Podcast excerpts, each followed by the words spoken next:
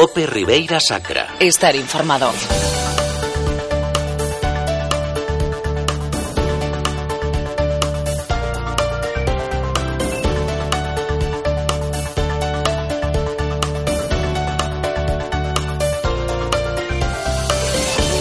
Seguimos aquí en Copé Ribeira Sacra Chegámonos a unha xuntanza que terá lugar hoxe ás 8 e cuarto no centro do Viño de Monforte de Lemos Unha xuntanza organizada por En Marea E falamos precisamente cunha das deputadas no Parlamento de Galicia Por esta formación con Paula Vázquez Verao Paula, moi boa tarde. Boa tarde. Bueno, en primeiro lugar, en que vai consistir esta xuntanza que tedes hoxe pola tarde en Monforte?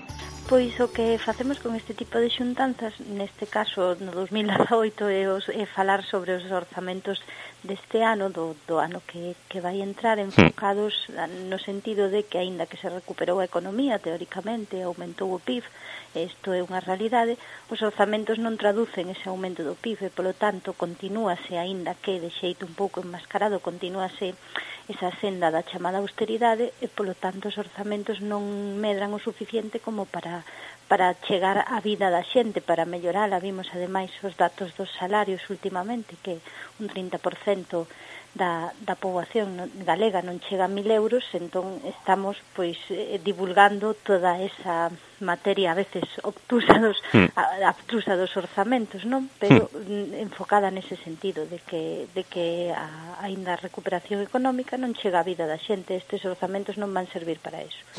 Supoño que tendo en conta que tedes esta, esta xuntanza pois na, na capital da, da comarca da, da Ribeira Sacra, pois eh, hai temas que xa levades pois bastantes semanas, por non decir bastantes meses, pois falando deles de necesidades que hai pois aquí na, na comarca, eh, non sei cales son as principales os principales principais puntos que, que, que necesita pois esta comarca para, para desenvolverse, non tanto no eido turístico, porque como vimos os últimos días, pois sí que temos pois potencial, pero sí que hai necesidades, por exemplo, nos bobos máis máis alonxados, zonas como as da montañas do Courel, porque teñen necesidades básicas que supoño que haberá que, que cubrir de algún xeito, non? Sí, comezando, por exemplo, polo Courel, hai moitas necesidades en materia de infraestructuras, as estradas están moi deterioradas, hai orzamentado unha escasa partida para unha das estradas que precisa mellora, prometerase que este ano pois ia ter máis máis fondos, pero non é así, o mesmo para o corredor eh, Sarria Nadela sigue habendo unha partida moi escasa cando este ano pois estaba previsto que houbera moita máis inversión e logo, por exemplo, unha das necesidades fundamentais da, da comarca é ter un plan de desenvolvemento pois a, a longo prazo. Sí. Nos eso fiámolo a idea de que era preciso que houbese un desenvolvemento do eixo atlántico ferroviario, que esta zona estivera co conectada cos portos, de cara a que pois o Porto Seco de Monforte servira pois na, no sentido original que se, que se pensou, que claro. como plataforma logística destes, pero non hai ningún plan nese sentido, e o que hai orzamentado para o Porto Seco moi escaso para conectalo coa Nacional 120, pero sin haber un plan, pois non vai a poder desenvolverse a, a economía da zona, que é realmente o, o que máis precisamos. Falabas do sector turístico, mm. si é certo que hai un despegue turístico, pero ese non chega para recuperar o nivel de destrucción claro. de, da economía e de perda de poboación que vivimos pois nas últimas décadas nesta zona, por iso nos falamos da necesidade dun plan de, digamos, eh, conectalo coa industrialización de Galicia, que tampouco hai un plan para a mesma, máis alá do tema de Rozas, pero Rozas aínda non, non sabemos canta, cantos postos de traballo realmente creou ese, ese chamado polo industrial. Mm. E logo, pois, outra necesidade fundamental é o tema sanitario. Falabasme tamén do Courel. Claro. O Courel, pois, uh -huh. houve un recorte de das horas que están ali médicos, hai dous centros de saúde e moitos, moito tempo estivo un deles pechado e o médico pois indo de un a outro. É fundamental pois o tema do hospital hai unha partida pequena para melloras no hospital, pero é que o que precisa o Hospital Comarcal de Monforte recuperar capacidade de xestión, pois ter prazas estables de especialidades médicas e aumentar o persoal, sobre todo enfermeiría, pois celadores e auxiliares de enfermeiría.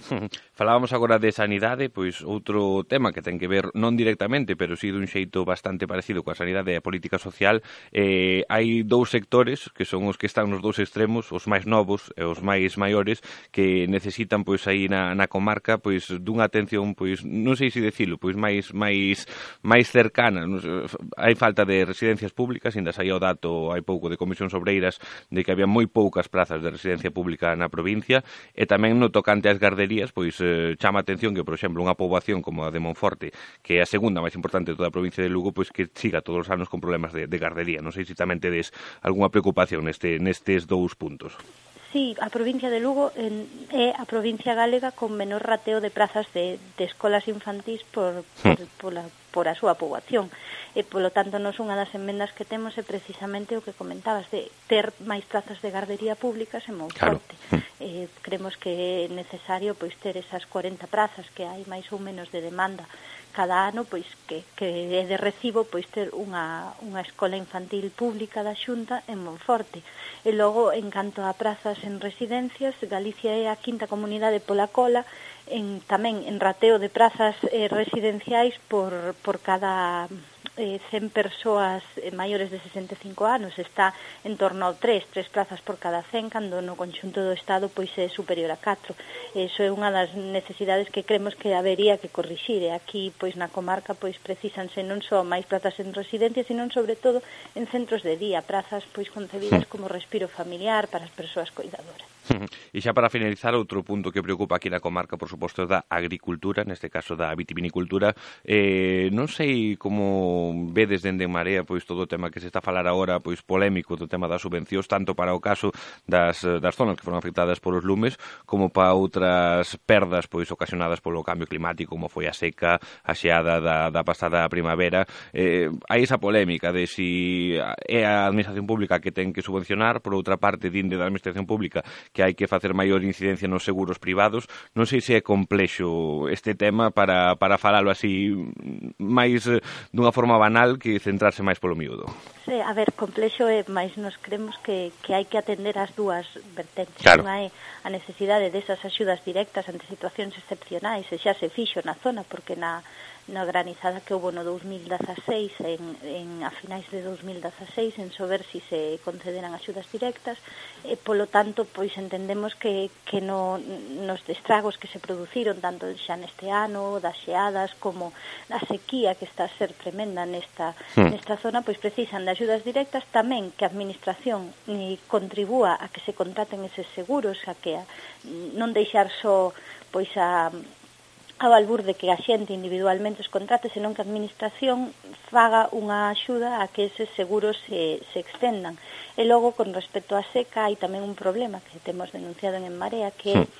mm, sobre con respecto á falta de auga, non? E a, e a escaseza claro. de, de auga, que a a deficiencia das redes de distribución. Entón a Xunta ten que, ten que fornecer os concellos de recursos para mellorar toda esa, esa rede, non só os concellos, tamén comunidades de auga, porque moitas veces é certo que escasea auga, pero moitas veces é tamén porque hai unha mala distribución e, e, e neso pois a Xunta ten que ten que dar un paso adiante mm. e asumir esa, ese problema. Mm. Pois son estes algún dos asuntos que se tratarán nesta xuntanza que se celebrará no día de hoxe a partir das 8 e cuarto da tarde no centro de Viño de Monforte. Non sei se haberá máis xuntanzas deste tipo por outros lugares da, da comarca.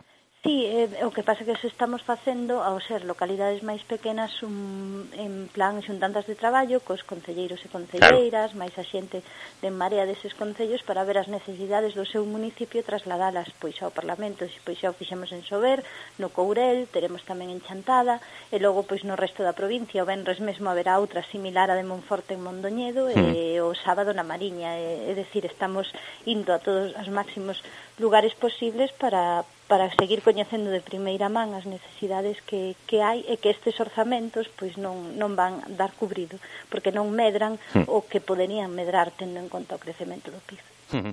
Pois Paula Vázquez Verao, deputada de Marea no Parlamento de Galicia, graciñas por atendernos tan atentamente aquí en Cope Ribeira Sacra. Moitas grazas a vos. Mediodía. Cope Ribeira Sacra. Estar informado. Foi todo, continúa a información na COPE. Pasen unha feliz xornada de xoves.